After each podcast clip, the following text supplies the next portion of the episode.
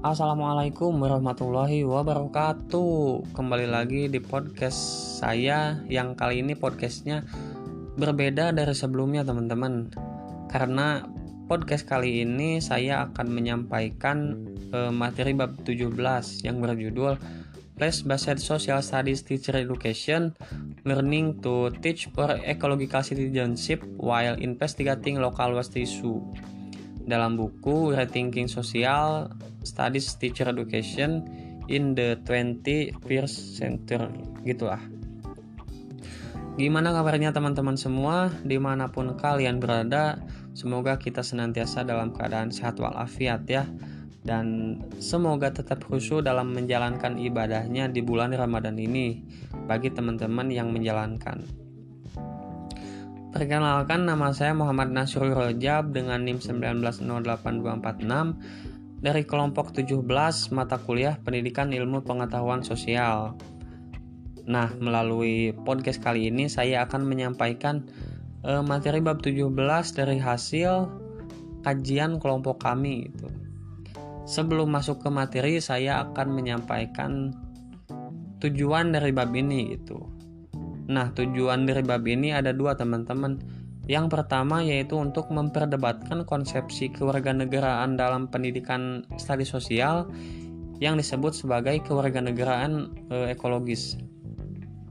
Dan tujuan yang kedua yaitu untuk bercerita tentang pendidik guru studi sosial dan guru pralayanan studi sosial yang belajar mengajar untuk kewarganegaraan ekologis melalui pembelajar melalui pembelajaran berbasis tempat gitu. Nah dalam podcast ini ada dua poin penting lah namanya yang akan saya bahas atau materi yang akan saya sampaikan yaitu studi sosial berfokus pada kewarganegaraan ekologis dan memikirkan kembali pendidikan kewarganegaraan. Oke kita langsung saja masuk ke poin yang pertama yaitu studi sosial berfokus pada kewarganegaraan ekologis.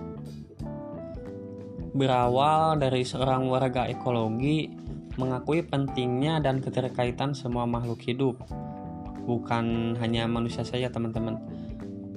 Warga negara ini memahami bahwa makhluk itu terhubung dengan cara yang rumit melintasi waktu dan tempat dan bertindak sesuai secara bertanggung jawab dan penuh pertimbangan gitu mencari kondisi kehidupan yang adil untuk semua.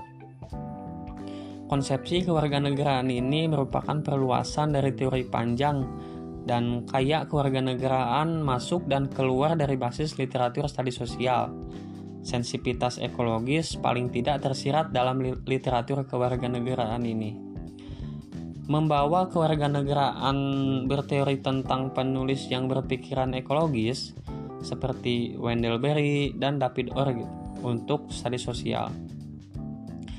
Maka penulis buku ini berpendapat untuk kewarganegaraan ekologis yang sepenuhnya mencakup konstruksi kewarganegaraan politik dan sosial yang penting sudah baik diartikulasikan dalam bidang studi sosial untuk dipahami sebagai apa yang dimaksud dengan istilah kewarganegaraan gitu.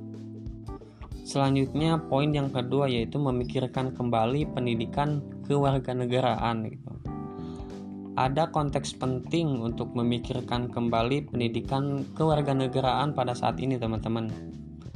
Pada tahun 2013 NCSS menulis pernyataan yang berjudul Revitalisasi Pembelajaran Kewarganegaraan di Sekolah Kami.